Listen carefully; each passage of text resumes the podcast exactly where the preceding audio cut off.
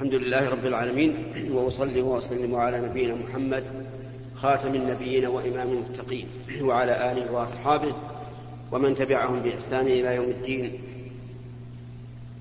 وأسأل الله تعالى أن يجعلنا وإياكم ممن تبعوهم بإحسان إلى يوم الدين. أما بعد هذا هو اللقاء الخامس والعشرون بعد المئة من اللقاء المسمى بلقاء الباب المفتوح الذي يتم في كل خميس من كل أسبوع. وهذا الخميس هو الثالث عشر من شهر محرم عام سبعة عشر وأربعمائة وألف. نتكلم فيه على قول الله تبارك وتعالى في سورة الحجرات يا أيها الناس إنا خلقناكم من ذكر وأنثى وجعلناكم شعوبا وقبائل لتعارفوا. الخطاب هنا مصدر بنداء الناس عموما. يا أيها الناس مع أن أول السورة وجه الخطاب فيه للذين آمنوا وسبب ذلك أن هذا الخطاب في الآية التي نحن بصدد الكلام عليها موجه لكل إنسان لأنه يقع التفاخر بالأنساب والأحساب والأحساب من كل إنسان.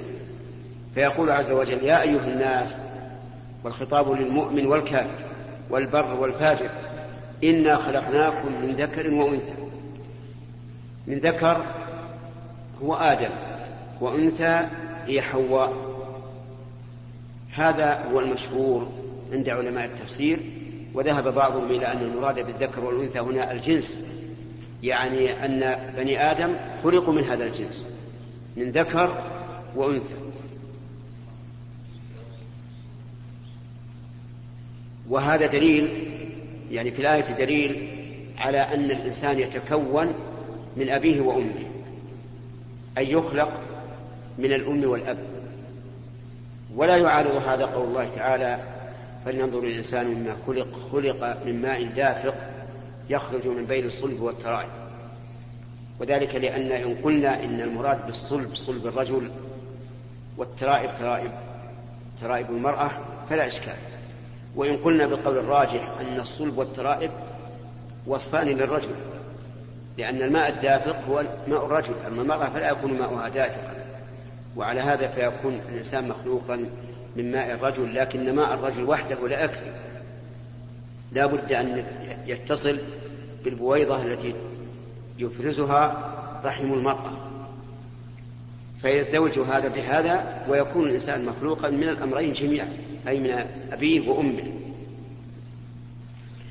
خلقناكم من ذكر وأنثى. إذن ذكر وأنثى يحتمل أن يكون المراد بهما شخصين معينين وهما من؟ آدم وحواء. أو أن المراد الجنس أي الذكر من بني آدم والأنثى من بني آدم. وعلى هذا التقدير أي على التفسير الثاني يشكل أن الله تعالى ذكر في آيات أخرى أنه أن الإنسان خلق من ماء دافق وهو ماء الرجل. والجواب عنه أن يقال إيش؟ إن هذا الماء الدافق لا يمكن أن يتكون منه الجنين وحده بل لا بد أن يتصل بالبويضة التي يفرزها رحم المرأة وحينئذ يكون مخلوقا من ذكر وأنثى. طيب. وجعلناكم شعوبا أي صيرناكم شعوبا وقبائل. فالله تعالى جعل بني آدم شعوبا وهم أصول القبائل وقبائل وهم ما دون الشعوب. فمثل بنو تميم يعتبرون شعبا وأفخاذ بني تميم المتفرعون من الأصل يسمون يسمون نعم يسمون قبائل. وجعلناكم شعوبا وقبائل. ما هي الحكمة؟ هي الحكمة من هذا الجعل أن يتفاخر الناس بعضهم على بعض فيقول هذا الرجل أنا من قريش وهذا يقول أنا من تميم وهذا يقول أنا من كذا أنا من كذا. لا ليس هذا المراد. المراد التعارف أن يعرف الناس بعضهم بعضا. إذ لولا هذا الذي صيره الله عز وجل ما عرف الإنسان من أي قبيلة هو. ولهذا كان من كبائر الذنوب أن ينتسب الإنسان إلى غير أبيه. يرحمك الله.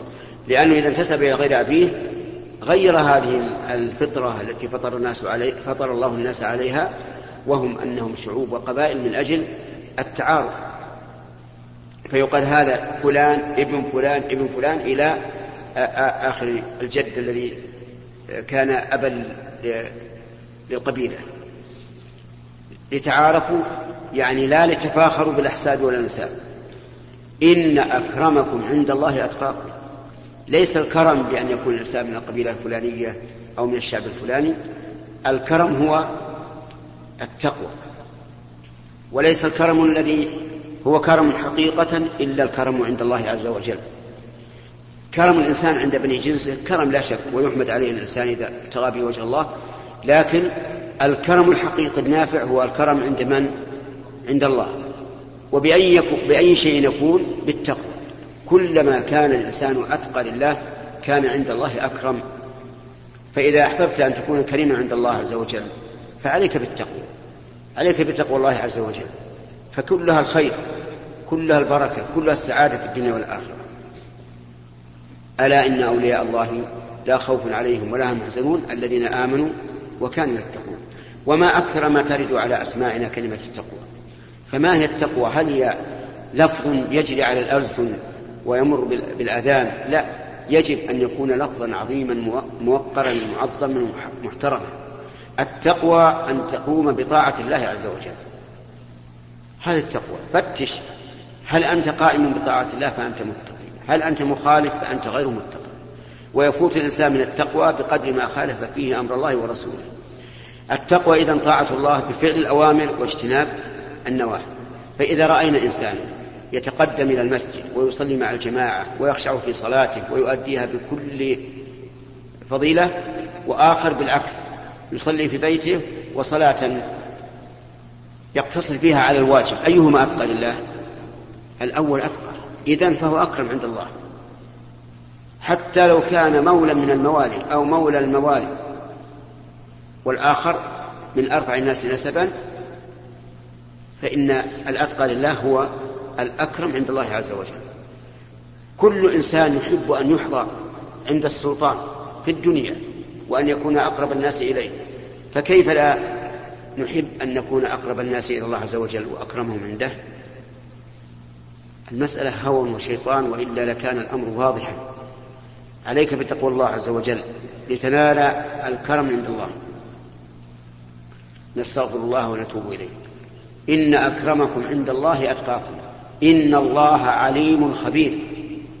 عليم بكل شيء. لأنه هنا مطلق ولم يقيد بشيء بحال من الأحوال. خبير والخبرة هي العلم ببواطن الأمور. العلم بالظواهر لا شك أنه أنه صفة مدح وكمال لكن العلم بالبواطن أبلغ.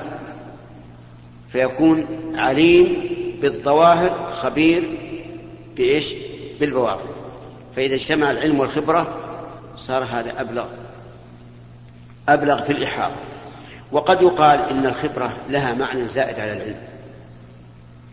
لأن الخبير عند الناس هو العليم بالشيء الحاذق فيه. بخلاف الإنسان اللي عنده علم فقط ولكن ليس عنده حذق فإنه لا يسمى خبيرا. فعلى هذا يكون الخبير متضمنا لمعنى زائد على العلم. ثم قال الله تعالى قالت الأعراب آمنا. من الأتقى يا هود عند الله؟ من الأكرم عند الله؟ الدليل إن أكرمكم عند الله أتقاكم. طيب. قالت الأعراب آمنا. الأعراب اسم جمع لأعرابي والأعرابي هو ساكن البادية كالبدوي تماما. الأعراب افتخروا فقالوا آمنا آمنا. افتخروا بإيمانه فقال الله عز وجل قل لم تؤمنوا. ولكن قولوا أسلمنا ولما يدخل الإيمان في قلوبكم. قيل إن هؤلاء قيل إن هؤلاء من من المنافقين. لقول الله تعالى وممن حولكم من الأعراب منافقون. والمنافق مسلم ولكنه ليس بمؤمن. مسلم لأنه مستسلم ظاهرا. إذ أن حال المنافق أنه كالمسلمين ولهذا لم لم يقتلهم النبي عليه الصلاة والسلام مع علمه بنفاقهم. لأنهم مسلمون ظاهرا لا يخالفون.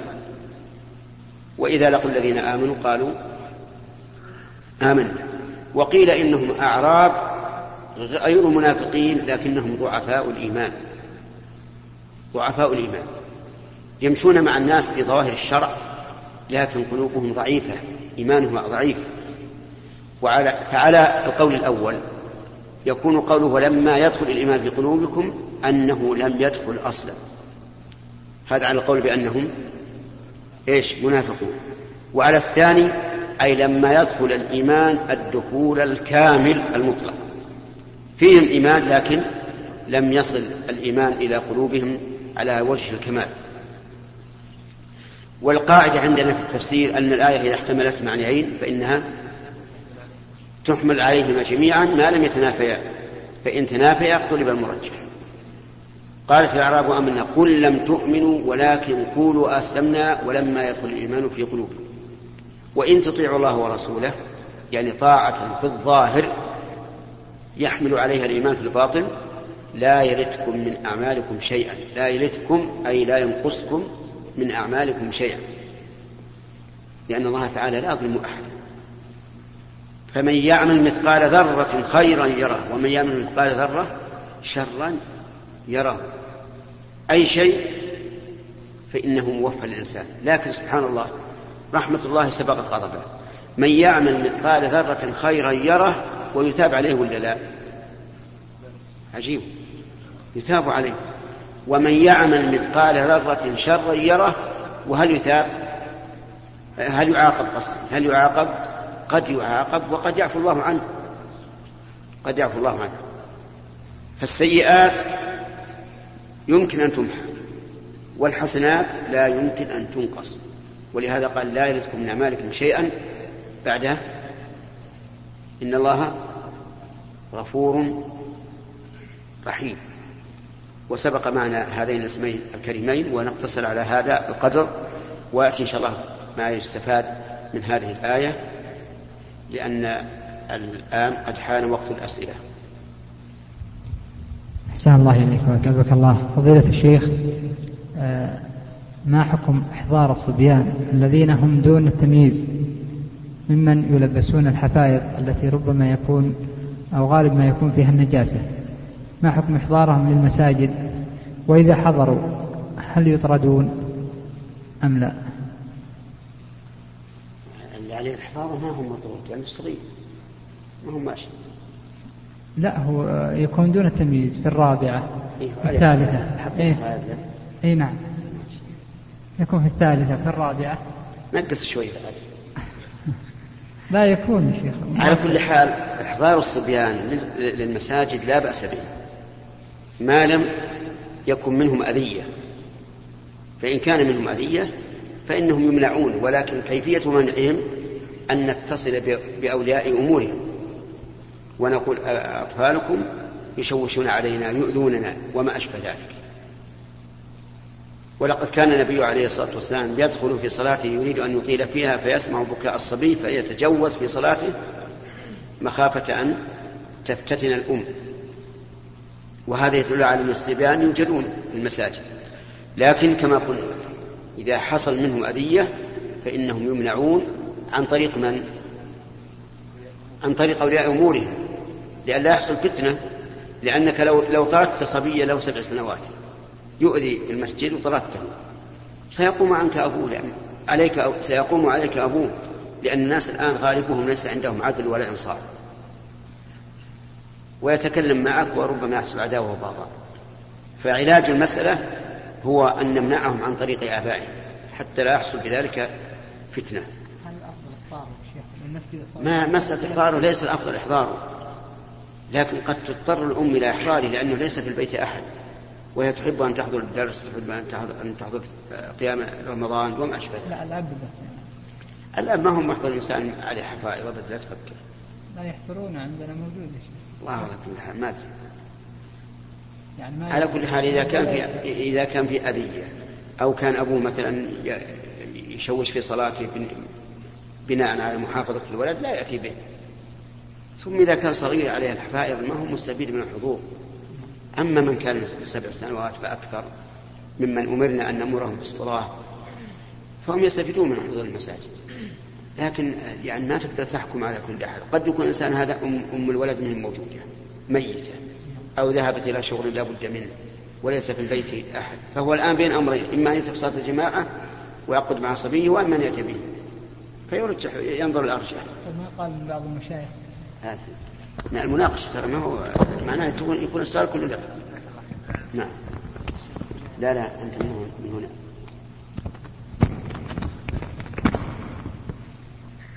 آثر جزاك الله خير يؤثرون على أنفسهم.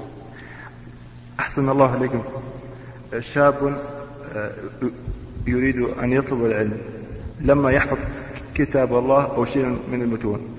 يرغب منكم النصيحة في منهج الطلب مع رغبته في حضور الدروس عندكم خاصة في العطلة الصيفية. الله نحن نرحب بكل إنسان. كل إنسان يجي يريد العلم نرحب به. ما يعني ما نمنع أحد.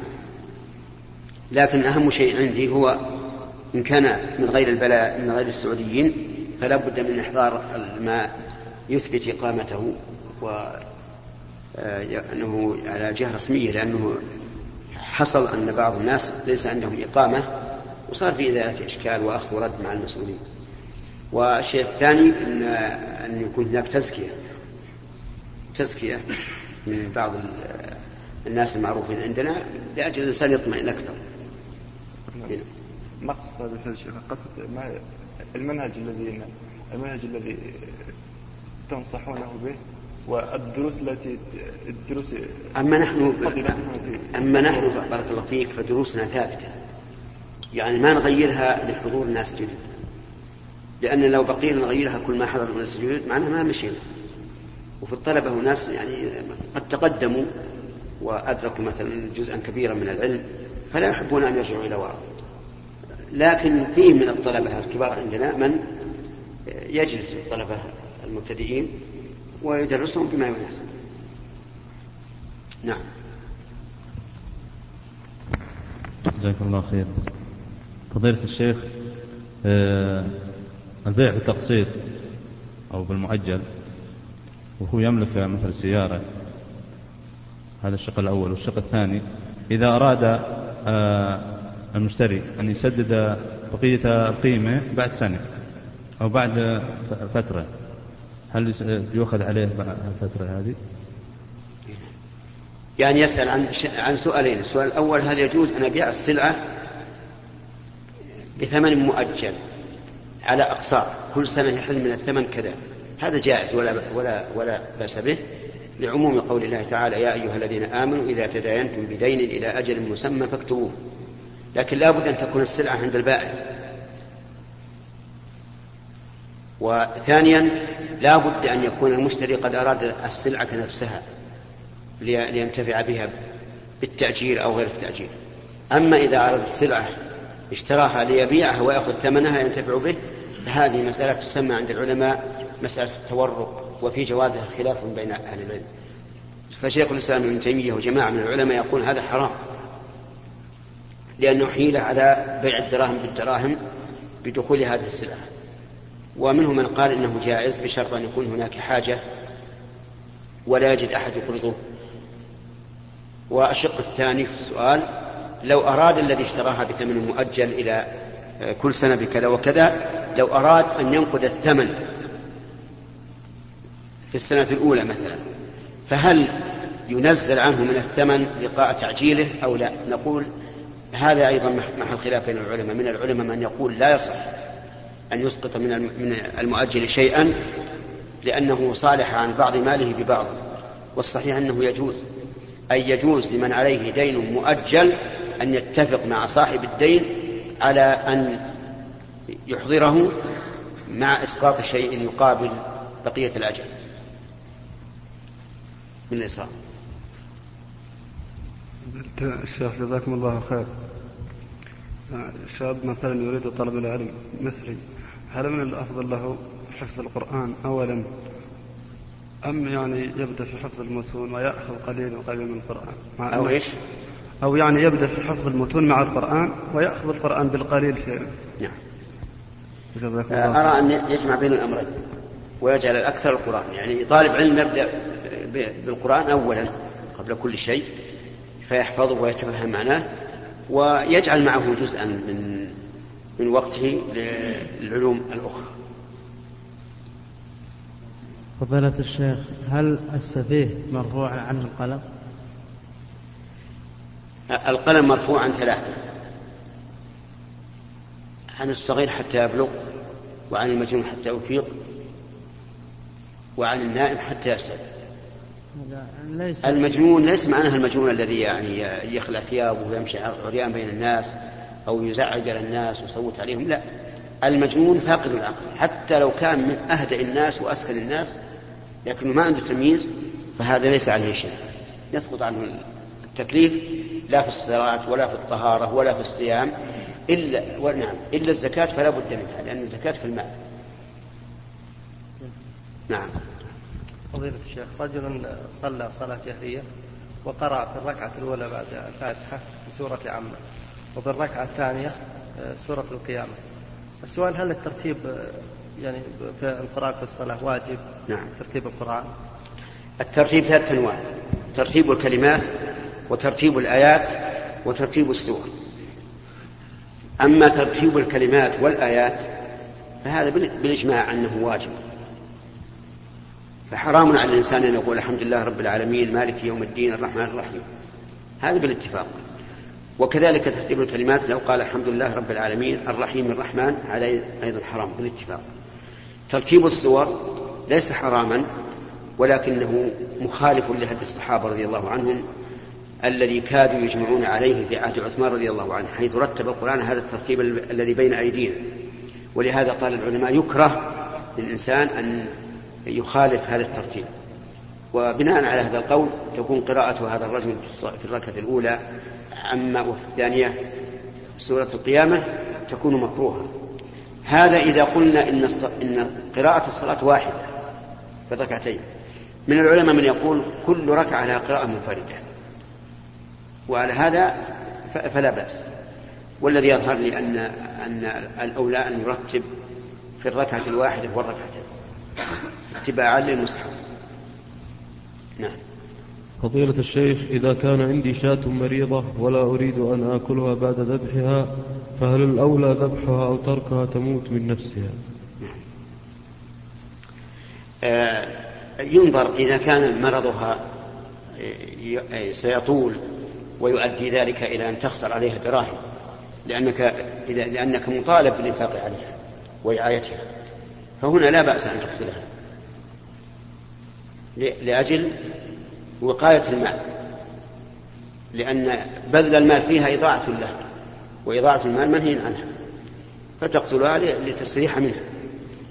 وكذلك لو كانت متألمة جدا فإن بعض أهل العلم يقول لا بأس أن تقتل لإراحتها.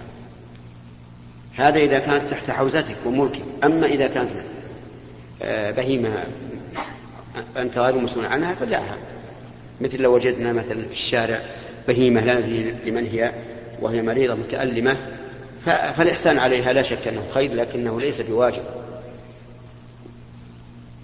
فهمت؟ طيب.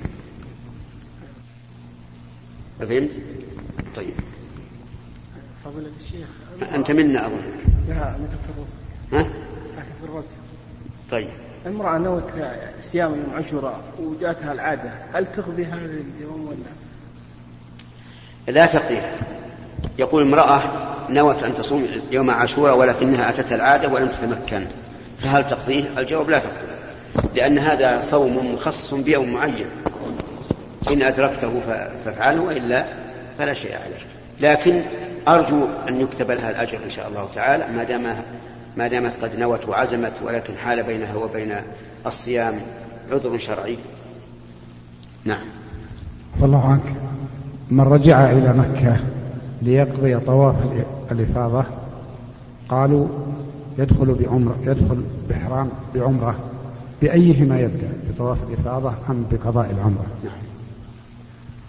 آه، إذا نسي طواف الإفاضة أو أخل به على وجه لا بد أن يعيده ووصل إلى بلده فإنه يرجع بعمرة. فيحرم الميقات ويطوف ويسعى ويقصر للعمرة. ثم بعد ذلك يأتي بالطواف. وإنما قيل ذلك لأنه مر بالميقات وهو يريد نسكا. فيكون كالذي أراد العمرة والحج وقد وقت النبي صلى الله عليه وسلم هذه المواقيت لمن أراد الحج أو العمرة. نعم. لا لا بأس يعني. العلماء رحمهم الله صرحوا بأنه لو أتى بالعمرة بعد التحلل الأول كانت صحيحة. نعم. من من من أهل البلد. لا لا كلنا نقول عام. آثروا على أنفسكم.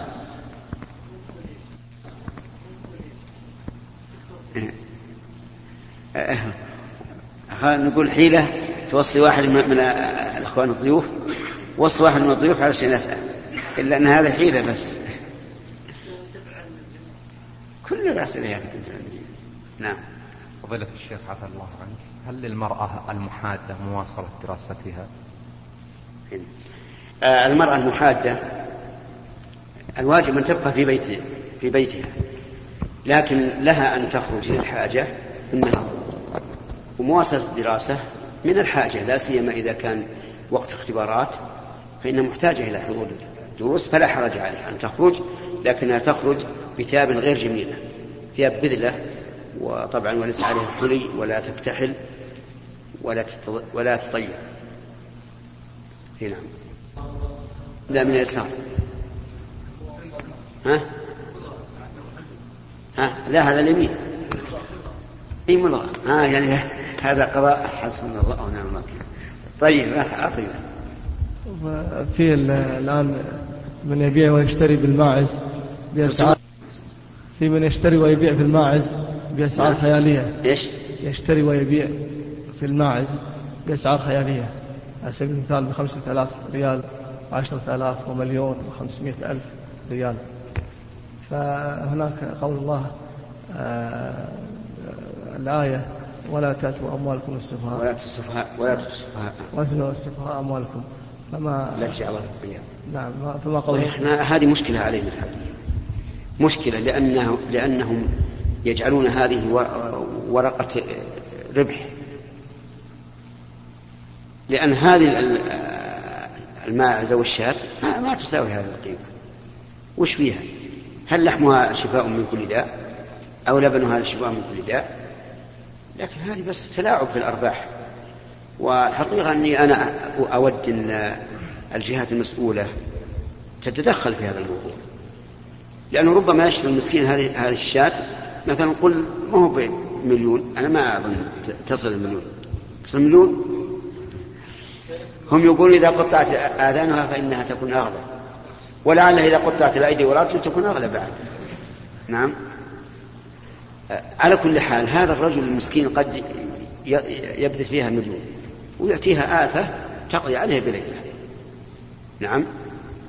أو يأتي إنسان عدو له ويقتلها. من غير أن يشعر به. فأنا أود أن الجهات المسؤولة تتدخل في هذا الموضوع لتمنع هذا التلاعب بأموال الناس. نعم. فضيلة الشيخ ورد عن رسول عليه الصلاة والسلام أنه من صلى على جنازة فله قيراط ومن حضرها حتى تدفن فله قيراطان. قيل ما القيراط؟ قال مثل جبل أحد لكن السؤال بعض الناس